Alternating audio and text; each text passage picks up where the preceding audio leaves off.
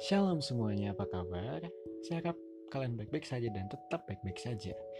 Kalau kalian merasa tidak baik-baik saja, ingat Tuhan itu baik. Seharusnya kamu tahu apa yang harus kamu lakukan.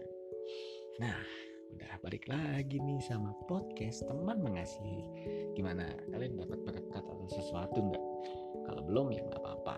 Kalau udah, wah bagus dong. Mungkin yang belum dapat berkat, mungkin harus di episode satu lagi ya. Ya, atau nggak apa-apa nggak usah. Udah, kemarin kita udah bahas pasal satu nih. Kita lanjut lagi di pasal kedua. Ya, jadi pasal kedua juga nggak panjang-panjang banget sih, pendek doang sih pembahasannya. Biar nggak bosan juga kan. Takutnya kalian ngantuk malah di podcast ini. Udah, gini aja. Kita mulai aja lah ya.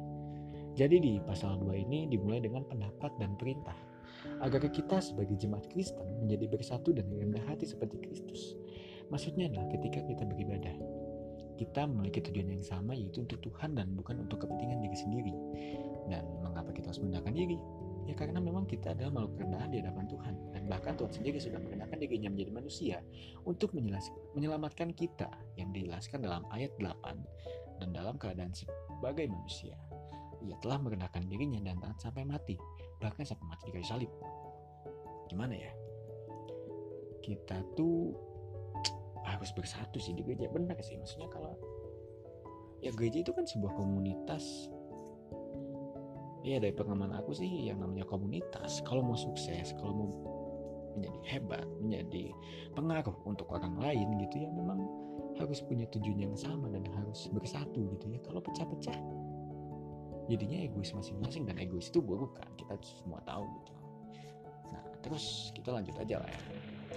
Paulus juga memberitahukan agar kita terus mengerjakan keselamatan, mencari Tuhan di dalam hati kita dan mendengar suaranya. Meskipun tak ada Paulus di sana, tetapi mereka dan kita harus tetap mencari Allah. Kita harus berlomba-lomba untuk keselamatan karena darahnya menyucikan kita dari segala dosa. Gitu. Ya, kalian pasti pernah dengar lah ayat yang bilang kalau jagalah dari kerajaan Allah, maka yang lainnya akan ikut kepadamu. Ya, sorry kalau salah, tapi intinya intinya kita harus mencari Allah dulu baru yang lain-lain tuh nanti dikasih sama Tuhan. Santai aja Tuhan dulu itu utama gitu. Nomor satu tuh Tuhan. Jangan nomor satu tuh orang manusia gitu ya apalagi pacar kamu jangan. Satu itu Tuhan gitu sudah jelas gitu. ya lalu pasal ini ditutup dengan judul Timotius dan Epaphroditus di mana mereka merupakan murid didik sekaligus rekan kerja Paulus dalam menyebarkan firman Allah yang dikirimkan ke Filipi.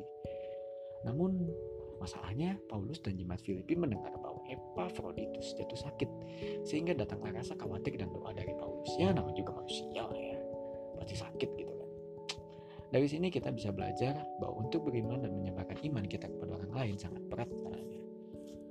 Ya, terbukti dari terakhir di pasal 2 yaitu sebab oleh karena pekerjaan Kristus ia nyaris mati dan ia mempertaruhkan jiwanya untuk memenuhi apa yang masih kurang dalam pelayananmu kepadaku bilang kan episode-episode kemarin gitu. Kalau mengikut Kristus itu ya pasti berat banget lah ya. Cuman ingat kita harus teguh seperti yang dikatakan Paulus pada pasal 1 gitu. Ya itulah udah selesai pasal 2 pendek kan? Nah apa? Ya kalau gitu aku Niko dari podcast teman mengasihi. Aku pamit dulu ya. Semoga kalian terberkati dan tetap mengasihi orang lain. Shalom. Sampai ketemu di episode selanjutnya. Goodbye